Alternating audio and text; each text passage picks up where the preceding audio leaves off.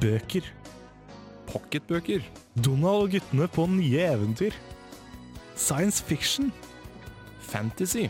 Jodar er Tolkien. J.K. Rowling. Forfatter. Husmorsporno. Barnebøker. Vin. Sigaretter. Anne B. Ragde. Lesing. Kjærlighetsromaner. Krim. Wow, spennende! Biografi. Næ, er det sant? Eventyr. Dikt. Kultur. Poesi. Litterære virkemidler. Er det mulig? Bokbarna på Radio Revolt. Og hjertelig velkommen til Bokbarn her på Radio Revolt. Et nytt eh, Radio Revolt-år og et nytt eh, Bokbarn-år. I dag, så eh, foruten meg, Johannes, og faste medbokbarn Siri Hallo, Siri. Hei. Så har vi òg gjester med oss. Og det er Hans, hallo. Halloen. Og Åse. Åsmar, ja. Ja. Hello!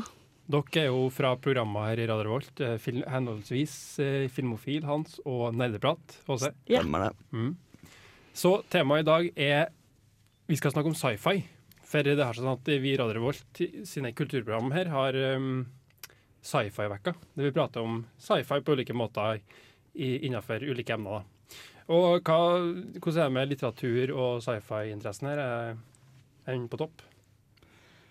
Ja, det vil jeg absolutt påstå. Altså, det var jo stort sett det det gikk i da jeg var kid. Altså, fra, fra en sped begynnelse, når jeg hver eneste uke brukte ukelønnen for å løpe ned på Outland og kjøpe den siste Animorphs-boken, eh, til jeg begynte å lese litt voksnere ting i senere tid, så har det på en måte vært eh, fantasy og sci-fi som har vært eh, det som har Mm. interessert meg i litteraturen. Ja, Åse? Ja, altså, jeg vil jo si at min interesse for sci-fi starta veldig tidlig.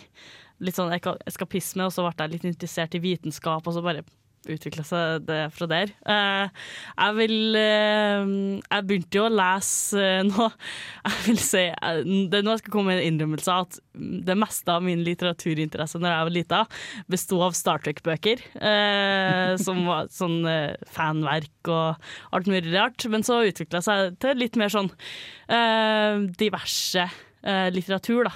Som jeg liker, jeg liker å sette meg ned med en god sci-fi-bok og leve meg inn i denne verden. da. Så for deg var sci-fi på en måte åpning mot resten av eh, litteraturen? da? Ja. Mm.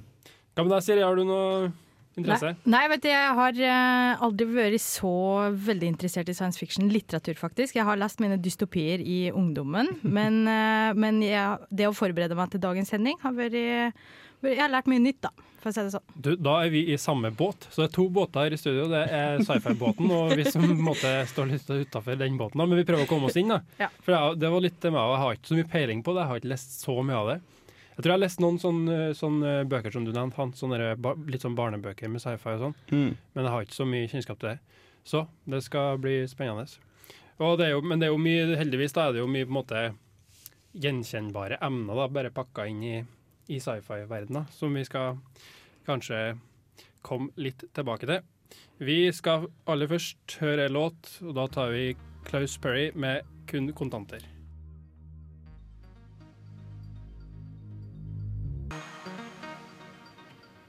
Sci-fi er tema i Bokbaren i dag, og snakka om i stad, sier at ikke, vi kanskje ikke har lest så mye fra, fra før, men du har i hvert fall satt deg litt inn i denne sjangeren og dens eh, historikk og sånn. Ja, ja, jeg har forsøkt det. Um, for det, dette er jo en sjanger som er knytta veldig til framveksten av moderne vitenskap. Uh, og det å bruke det science fiction-begrepet om denne type litteratur ble først vanlig på, på slutten av 1920-tallet. da. Men science fiction uansett, det er regna som en samlebetegnelse for fiksjonslitteratur, som da bryter med gjeldende forventninger om sannsynlighet.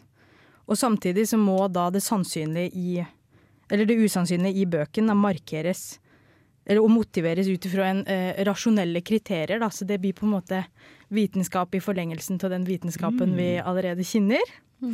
Um, og så må- og så er det viktig at de ikke bryter med fortellingas logikk òg, da. Så det her, science fiction er jo fortellinger som på en måte legger sine egne premisser. Så det må være en slags eh, på en måte, ja, som du sier, at det, vi må kjenne litt fra vitenskapen i dag òg. Ja, eller tenker jeg da. en viss gjenkjennelse. Vel, Ja. Al- Altså, det blir jo et begrep innenfor, innenfor eh, skjønnlitteratur som heter 'suspension of disbelief'. Jeg vet ikke helt hva som er et godt norsk begrep for det.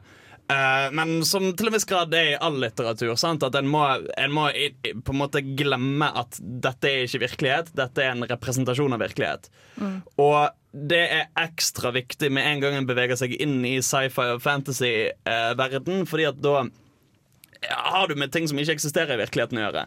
Og da er det ofte litt viktig at du ikke bryter med de interne reglene du lager for deg sjøl og for plottet i seg sjøl når det er såpass fantastiske omgivelser. For da tas du plutselig veldig ut av det med en gang og innser at ja, men dette stemmer jo ikke. Dette Ja, finnes jo ikke. Så du, du, på en måte, du kan pushe, pushe fantasien enda mer, men da er du nødt til å holde deg litt til de reglene du setter opp. Ja. Og en ting som er med på å tydeliggjøre det her, at det er et litt annet type univers enn vi er vant til, er jo det at handlinga ofte er lagt til framtida. Eh, og vitenskap, eh, eller vitenskapelige oppfinnelser spiller da en mer eller mindre framtredende rolle. Da. Ja, altså, um, Det som markerer sci-fi science fiction veldig for meg, da, er jo at det tar på en måte tendenser fra nåtida og sette dem inn i framtida og kanskje padde dem litt, eller gjør dem litt sånn større. Eksempel hvis det er tendenser til en høyrebølge som vi nå ser i Europa, kan det ekstrapoleres på en måte til et fascistisk regime da, i framtida. Så det er på en måte grunnlaget for settinga. da. Ja, jeg tenker på at Det er jo på en måte noe vi kjenner fra all slags fiksjon. da. At man tar noe som vi kjenner fra den virkelige verden og på en måte behandler det i et fantasiunivers eller fiksjons- fiksjonsunivers. Så på den måten så er kanskje ikke sci-fi så annerledes enn mye annet, tenker jeg. Bare at det er framtid og vitenskapsbasert, kanskje. Kanskje? Ja, det er vel primært det som eh, blir den tydeligste sjangermarkøren. Da. Akkurat at det er vitenskapsfiksjon. Da. Eh, og det du sier, eh, Åse Maren, om de her, eh, den samfunnskritiske tendensen da, som, som science fiction har, blir jo veldig tydelig i noen undersjangre som, som typisk litterære, tenker jeg dystopien og utopien, da, som var ganske tidlig ute. Med, som på en måte framviser det her med med altså, den kritiske tenkninga forvitrer, og at det er menneskesamfunn på avveie, som gjøres veldig godt. Mm. Her er et spørsmål, egentlig, og det passer jo bra nå som vi har en eh, fra programmet Nerdeprat her. Jeg har litt inntrykk av at eh, sci-fi-kulturen er litt sånn nerdekultur, er det det? Definitivt. Ja. Altså, Sci-fi-nerden er jo den klassiske nerden, den som sitter og uh, kan all, kan all sånn te teknik, sånn teknisk, tekniske om eh, sånn stjerneskip og alt mulig i hodet, og lese bøker og sitte i sin mors kjeller og ikke gjøre noe særlig annet enn å bare lese science fiction. Ja, så Den fordommen den stemte bra, ja. Nei, men, også, men jeg tenker litt på det i forlengelse av det som du sa, det, Shiri, med at liksom, sånn, det er liksom autoritetskritisk. da, at det er sånn, jeg forbinder meg veldig med sånn type tenkning. da, Kanskje litt sånn av og til kan det kanskje dette litt over i sånn der eh, konspirasjonsaktige greier. da, At man er veldig sånn kritisk til autoriteter og sånt. da, og At det um, henger litt sammen, kanskje, der. Interessen for det og ja.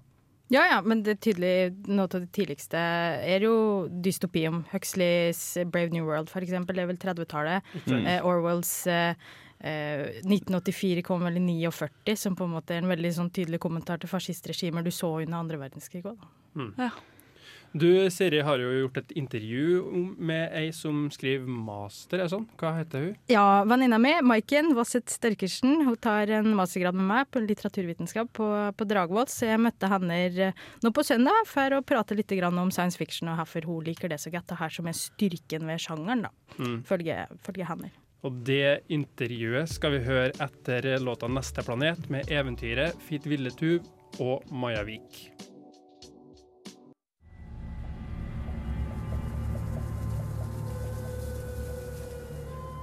Maiken! Hei, Siri.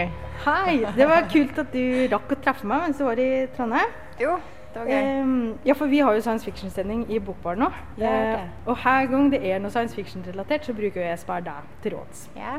Men du sier, altså vanligvis så forkorter en jo science fiction til sci-fi, men du sier SF. ja.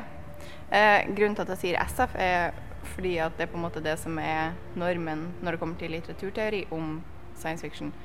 Eh, og det går også fortere enn å si sci-fi hele tida. For du, du skriver jo, du er jo veldig interessert i science fiction-bøker, slik jeg skjønte. Og så skriver du jo, du tar en mastergrad i litteraturvitenskap og skriver om science fiction. Ja. Her er det du skriver om. Eh, jeg skriver om eh, science fiction og samfunnskritikk. Eh, Jeg skal se på virkemidlene som brukes innenfor science fiction-sjangeren, eh, og hva det gjør eh, for litteraturen, og de temaene som man tar opp innenfor science fiction. Er det noen spesielle virkemidler eller tema som er typiske? Ja, det er ingen tvil at det er fremmedgjøring som er en av de store. Eh, og så er det jo sånn at man begynner å få et helt et stort spekter av den typiske tematiseringa innenfor science fiction, og det, det vokser jo stadig. Og det begynner jo å bli et stort register, og det registeret er jo ikke sånn at verker som man tenker er veldig science fiction, at de er de eneste som bruker det. Det begynner å bli veldig velkjente eh, tema og eh, virkemidler som brukes innenfor science fiction, som på en måte begynner å spre seg litt òg. Så det er jo Jeg vil ikke si at science fiction er alltid like lett gjenkjennbart, fordi at man har en, en, eh, et spekter innenfor science fiction. Du kan ha en bok som man kanskje først vil tenke er litt mer realistisk, eh, fordi at man lever i et veldig teknologisk samfunn i dag. Men hvis man ser nærmere på det, så ser man de trekkene som da har utvikla seg innenfor science fiction-sjangeren. At man bruker de også der, da. Man kan jo si at, at romanene er en stor metafor. Ofte så, ja for Du skriver om science fiction og samfunnskritikken, og ofte så tilbyr jo science fiction et litt annen type blikk på, på vårt samfunn. da. Er det noen styrker ved science fiction-sjangeren som ikke are mer realistiske eller troverdige sjangere har? Ja, eh, to ganske store, mener jeg. Det at du står mer åpent til å ta opp eh, tema som mm, man ikke ville kunne gjort innenfor mer realistiske sjangre. Og så har du også eh, det med at du får en distanse som leser. Du er ikke en del av problemet som legges fram. Du ser et samfunn gjerne som opplever problemer, og du gjenkjenner de problemene. Det er ikke sånn at du er en del av det problemet. og så gjør sånn at Når du da ser på ditt eget samfunn og gjenkjenner det problemet der, så er det mye lettere å være en del av løsninga da.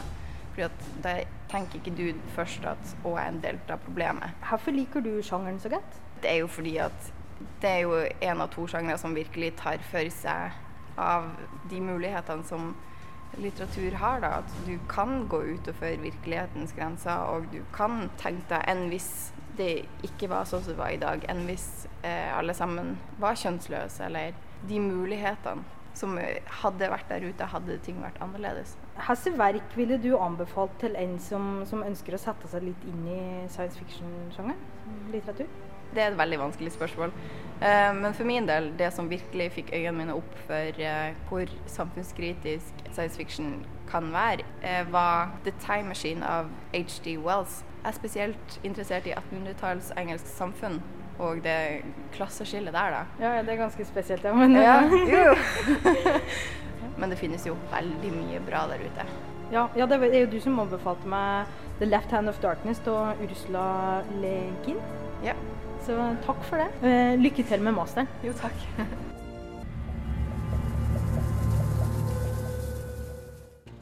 Det var David Bowie med 'Life on Mars', og før det hørte vi intervjuet som Siri har laga med din venninne Maiken. Ja. Mm, var kult. Og nå skal vi prate om en, det er vel en klassiker innenfor sci-fi-litteraturen. Philip K. Dick sin bok 'Do Android Stream of Electric Sheep'. Og for ordens skyld kan vi bemerke med en gang at det er den boka som Blade Runner er basert på. Mm, mm, mm. I den boka her da, så har vi flere ting som er, som Maiken nevnte, òg, som du snakka om på sjangerdefinerende ting, sier jeg at det med fremmedgjøring da, og elementer som vi kjenner fra verden som den er nå, virkeligheten nå, men som er tatt i framtida, og ja, på en måte underliggjort, da, sett fra en annen vinkel der. Eh, året er 1992, så det syns jeg er litt komisk. på 60-tallet så tenkte man at i 92 da har det skjedd sjuke ting. Eh, det året jeg ble født, for øvrig. Eh, ja, eh, det har ikke sagt. men, men da, da Kanskje altså, du er en robot? det, er, det kan hende. The silence are among us. Ja. Det var en Batsager-referanse. ja, som jeg tok. Nei da. Eh, Året 1992 i den boka, og mennesket har utvandra til andre planeter pga. en verdenskrig. Um, en slags tredje verdenskrig, tror jeg, som har gjort uh, jorda vanskelig å bo på. Det er en, liksom, en støvsky over jorda, og mange dyrearter har begynt å utdø osv. Og en slags uh, lokkemat da, for å få folk til å utvandre, da. for det er jo på en måte bra for menneskeheten, det. da det er at de får utdelt hver sin Android, eller en robot, da, menneskelignende robot, som ser akkurat ut som mennesker, og er som cirka like smart og minst like sterk fysisk, ofte sterkere, da, så de kan bruke dem som en slags slave. da. Det som er handlinga i denne boka, som er en slags eh, ja, spenning-detektivroman, det er at seks androids har rømt fra de planetene de har utvandra til, og kommet tilbake til jorda. For det har seg sånn at de robotene er programmert til å leve i bare noen få år. Og så, ja På et eller annet vis så får de en slags utvikla bevissthet, så de, først, de vet det da, og vil finne ut hvordan de kan få mer liv. Og går da tilbake til sine skapere.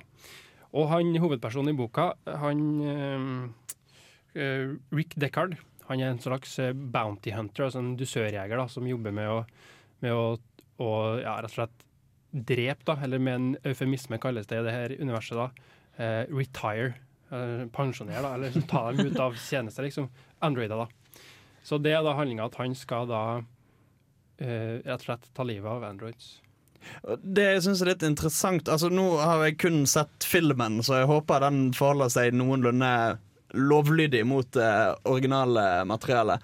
Men det jeg syns er interessant der i forbindelse med temaet fremmedgjøring, er jo det at med en gang du begynner å komme inn på kunstig intelligens, sånn som det behandles der, så sitter han igjen med at en fremmedgjøres mot det å være menneske. Mm.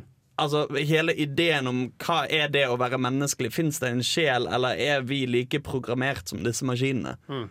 Helt enig. Det er akkurat den slags tematikk eh, som tas opp i denne boka. her. da. Eh, hva er bevissthet, og hva er identitet? Eh, robotene er jo utstyrt med minner, da, som gjør at de skal fungere og, og ligne mest mulig på mennesker. Um,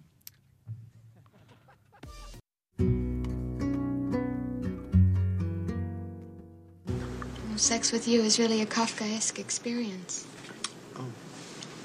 Thank you. Bokbarn. Bokbarn. Ja, jeg tar like godt å fortsette på litt snodige avslutninger på det forrige stikket før pausen nå, der jeg snakka om Philip K. Dicks eh, bok 'Do Android Stream of Electric Sheep'. Eh, Det er altså en bok da, som tar opp en del temaer vi kjenner fra verden som den er i dag, da, med ja, smått autoritære regimer, overvåkning, store monopolistiske eh, selskap, satt i framtida. Så um, det er mye fremmedgjøring og mye, på en måte, som du påpekte, Hans, man Mm. ser menneskeligheten og menneskelige egenskaper og bevissthet utenifra. Så det er ganske typisk sci-fi. Og det, det de gjør kult i filmen òg, er jo at de hinter veldig til at han Deckard er en robot sjøl. Gjør de det i boken? Det gjøres litt i boka, ja. Det, det er ganske spennende, da, og som nevnt, kanskje er en robot. Har dere noen gang stilt dere det spørsmålet? Er jeg en robot?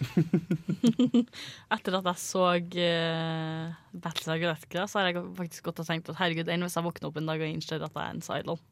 Jeg måtte tenke litt på det siste, for jeg så, så Westworld i jula. Og den Mm. boka her har minte meg litt på det at det er litt sånn tematikk som går igjen. da, liksom Hva er bevissthet? Går det an å skape bevissthet? Og at det slo meg at det slettes ikke noe nytt da med Westworld, så klart. Så det var litt om den boka. Uh, nå skal vi over til en bok som du har lest, eh, Åse Maren. Og den Ja, heter Dune. det, Er det en film òg, eller? Uh, det ble laga en film av det, og en miniserie på TV. Uh, ingen av dem var særlig bra. Men uh, det originale boka er jo en sci-fi-klassiker. Det er jo en av vi- det virkelig store Frank Herbert som har skrevet den. Det går jo ut på at eh, jorda er en slags sånn ørken har blitt sånn eh, at, Eller jorda og jorda. Det planeten det foregår på, er en slags ørkenplanet. Eh, det, det er da er masse, masse sånn ja, veldig religiøse tendens, sånn teolog, sånn teokratitendenser. Eh, som, eh, det er dem som har mystiske krefter, da, har veldig mye makt. Eh, hovedpersonen, Paul Atreides, er Atreides, så jeg tror jeg, jeg tror jeg sier det rett. Han eh, er dattera til ei som heter Jessica, som eh, da vi i løpet av historien får vite at er en del av en sånn mystisk sånn orden som kun består av kvinner, som da eh, har sånn magiske krefter som blir breeda til det, da, på en måte. Eh, og eh, skulle hun egentlig få ei datter, så hun tok hun ta den legacyen videre. I, I stedet så fikk hun en sønn, og den sønnen er da den ene, den slags, en slags sånn Messias-figur da, i løpet av uh, serien, som da skal redde herre folkene da, fra uh, total Ja, fra herre som skal gjøre om planeten til en frodig hage, da, forhåpentligvis. Ja. Um, så redd fra eh, problemene, eh, rett og slett? da. Fordi eh, han, Frank Herbert var jo inspirert av at de skulle lage en sånn artificial beach på Jeg tror det var i et sånn, sånn et eller annet kyststat i USA, da. Ja. Så det handler litt om menneskekontroll over økologi. Det, handler, det er en av få sci-fi-bøker som handler om religion sin plass der. Det handler om ja, hvordan hvordan man skal, man skal deale med å være en Messias-figur. Mm.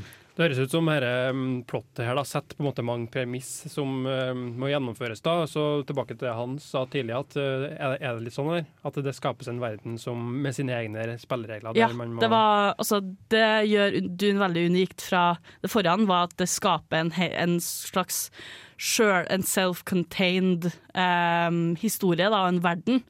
Før så var det ofte sånn at man tok utgangspunkt i, i den menneskelige verden og det veldig menneskelige. Her så blir vi så, satt en helt annen verden, da. Som samtidig er veldig menneskelig. Slår den balansen veldig godt, da. Mm.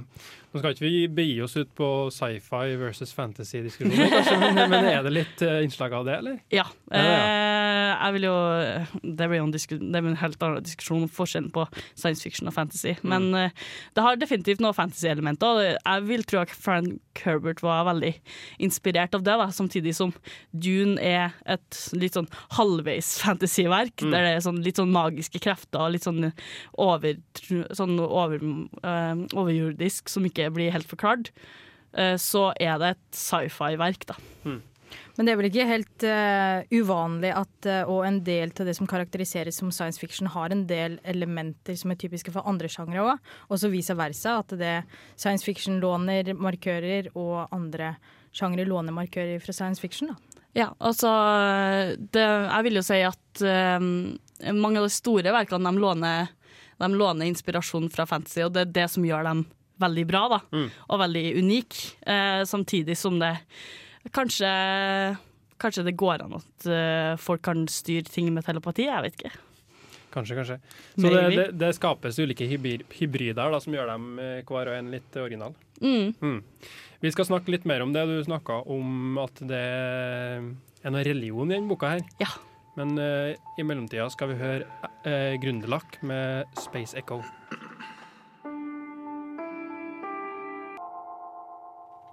Du hører altså på Bokbarn på Radio Revolt, og vi driver og prater om eh, diverse sci-fi-litteratur. Og nå skal vi over til noe som kanskje ikke umiddelbart eh, gjør eh, hø Som kanskje ikke umiddelbart man tror hører sammen, og det er sci-fi og religion. Ja. Eh, for sci-fi har jo et anspent forhold til religion, eh, mildt sagt. Det er jo veldig mye sci-fi som er sånn Ja, religion eksisterer ikke lenger fordi det er en konstruksjon som tilhører prehistoria i enkelte sci-fi-verk, annet Star Trek. The Original Series eh, gikk jo så langt å kalle det en, eh, en undertrykkende en undertrykkende kraft som tilhører i, gamle, i de gamle tider, sammen med rasisme og kjønnsdiskriminering og sånn. da. Uh, Er det egentlig så feil, da? Det kan Kom man en liten diskutere. brannfakkel her fra Siri. Altså- Temperatur i studio. Nå er jeg ikke jeg særlig religiøs sjøl, men jeg syns at det er en veldig At det er en interessant eh, kontrast mellom det som eh, At vi kan bringe det som eh, er på en måte veldig gammelt, veldig langt inn i framtida, da. Hvis dere skjønner hva jeg mener. Jeg synes det er Mm. interessant at man kan ta noe så gammelt som en religion, blant annet buddhisme og sånn, og, som er laga i sånn 2000 år før Kristus, og liksom bringe det inn i framtida altså 2000 år, til 2000-3000 etter Kristus. på en måte. Jeg er helt enig at det er interessant, for at det viser kanskje hvor eh, grunnleggende menneskelig det er å, å føle eller tenke i de banene som religion gir. Da. Jeg må bare si at Det finnes innslag av det samme som du sier i um, Do Android Stream, og det er en sånn egen religion da, som kalles mercerism. Mm. Altså, religion blir jo sett på som eh, en sånn eh, Ja, det blir jo mange sett på som veldig undertrykkende. Uh, mens det, jeg syns at religion i science fiction særlig viser en tendens, og en evigvarende tendens til mennesker, til å måtte tro på noe mer enn seg sjøl. Uh, kanskje til den grad at vi sjøl har lyst til at det kan inspirere en sånn skaper, en skaperkraft. At vi kanskje det med at vi lager Android som ligner på oss sjøl, kan være litt sånn jeg har lyst til å leke Gud, da, på en måte. Mm. Kanskje kan være over, og sånn tenker jeg at Dess lenger vitenskapen kommer, og dess mer man finner ut om, uh, om alt, egentlig, dess mer behov får man for det òg. For da er det på en måte Det er ingen åpne spørsmål lenger, da. Kanskje man kan tenke seg i framtida, da. Eller om jeg tviler på at det skjer, men så, og da venner man seg kanskje til overnaturlige ting. Mm. Og det er jo en kul ting at en kan ta Altså en kan ta for seg det at Uh, det er noe veldig menneskelig i å tilegne noe spirituelt og noe religiøst til noe, uansett hvor langt teknologien kommer, uten å nødvendigvis ta et enormt forhold til om det er en positiv eller negativ ting. Mm. Eh, men at det ligger iboende i menneskets natur å feste det til noe over, overtroisk eller overnaturlig. Mm. Og så er det jo ikke å stikke under stol at det, det, den ene tingen vitenskapen ennå har eh, til gode å bevise, er jo at det, vi har en mål og mening med vår eksistens, da. Ja. Mm. Uh, og det med at man må og mening, det er jo Altså, det er jo mange, der, mange verk der uh, sånne androids og sånn har en religion i seg sjøl. At de har skapt sin egen religion, at mennesker er gudene. Og, og det viser at uh, kanskje er det noe forbi det, da.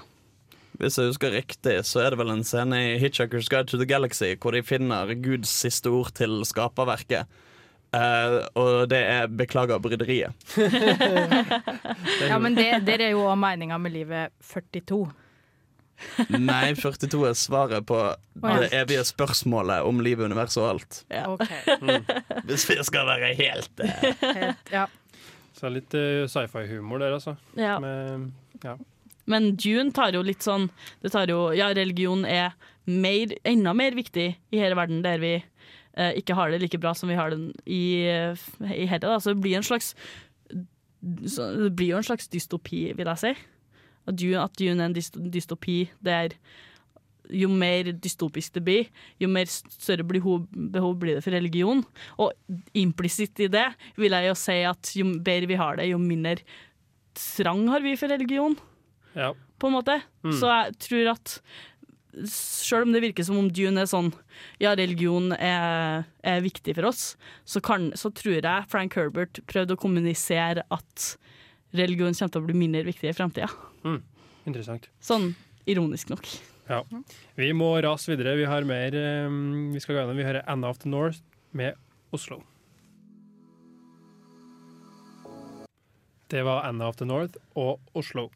Nå skal vi over til en bok som du har lest, eh, Hans, Ja. som vel òg er en film. Det ble en film i 2012, tror jeg. Eh, lagd av eh, Wasowski-søsknene, altså de som lagde The Matrix-filmene. Eh, og det er kanskje en av mine favorittbøker opp igjennom noensinne. Og for dem som ikke er eksperter på området, hva er det vi snakker om? Det vi snakker om her er altså, altså Det er en ganske utfordrende bok, for det er egentlig seks bøker i én bok. Og så er alle delt i to på midten, og så er de servert som en løk. Eh, hvor, hvor på en måte første og andre halvdel av første boken er i hver sin ende av eh, boken. Og så er det lagvis innover fra begge ender. Det er sånn 20 spørsmål, for du har ennå ikke sagt hvilken bok det er. Cloud Atlas! Ja. oh, herregud. Cloud Atlas heter boken. Ja. Den kom i 2004, tror jeg. Og altså, altså det, det som er tilfellet her, da, er at disse seks bøkene i denne boken handler om ulike, ulike mennesker i ulike historiske perioder. Eh, Du har en som er på typ kolonitiden, en som er på eh, 30-tallet, en som er på 70-tallet, en som er på 90-tallet, en som er i nåtid. En som er i en litt sånn eh, cyberpunk-fremtid, og en som er i postapokalyptisk utopi. Og de flørter mye med liksom hvorvidt de ulike narrativene eksisterer som historiske eh, virkemidler eller em, skjønnlitterære virkemidler innad i sitt eget narrativ. At du får framstilt noe som virkelighet, men så i en seinere eh, av disse bøkene som foregår i framtiden, så refererer de til det som skjer i den første boken, som noe de fant i en bok sjøl. Så det blandes mellom virkelighet og fiksjon? Ja. nesten. Ja. De leker veldig med oppfatningen av hva som framstilles som virkelighet innad i narrativet i boken. Og i grunnen hovedbudskapet i, i den boken er jo at det medmenneskelighet og godhet eksisterer på tross av kulturelle verdier og eh, teknologiske samfunn. Altså det er en veldig positiv eh, et veldig positivt utgangspunkt for fremtiden.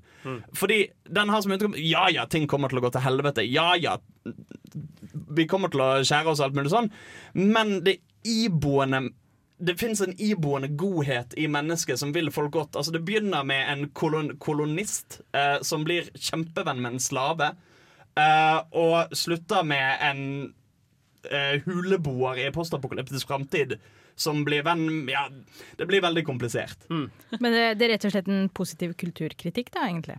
Ja. Eller, eller på, på en måte altså, altså Det blir litt motsvar til mye sci-fi, hvor der mange mener at teknologien tar fra oss noe, så mener Cloud Atlas at vi likevel beholder noe grunnleggende godt i oss som mennesker. Eh, det å ha empati og medfølelse og medmenneskelighet.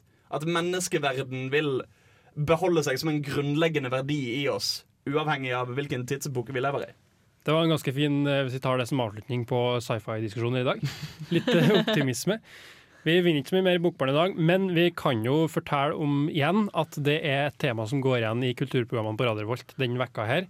Eh, nerdeprat skal vel ha Ja. sending I morgen. i morgen. ja. Og Filmofil på torsdag. på torsdag. Mhm. Ja. Jeg skal da dit. skal du gjeste, Siri. Ja. Det blir, det blir veldig bra. Så sjekk ut eh, de andre programmene på Radio Volt. Har dere lyst til å tease litt om hva det er slags tematikk eller spill, eller hva det skal være? Eh, det som er unikt med sci-fi i spill, er jo at du har den interaktiviteten. Sant? At du kan interagere med den sci-fi-verdenen som skapes. Så vi skal snakke litt om det, da, og litt om framtida til sci-fi til sci-fi i spill. Og det tror jeg blir veldig kult. Mm. Filmofil, diverse filmer. Ja, men Det blir jo mye, mye det samme som vi har snakket om her, kanskje, hva angår tematikk og narrativ og handling og sånn. Um, det vil kanskje bli litt mer fokus på det visuelle med det. Altså disse Ja. fantastiske bildene en kan skape seg i et tenkt verdensrom. Ulike framstillinger av hvordan det vil se ut å suse gjennom eh, stjernehimmelen. Kult. Takk til Hans og Åse og tekniker Rebekka. Bokbarn takker for seg. Ha det bra.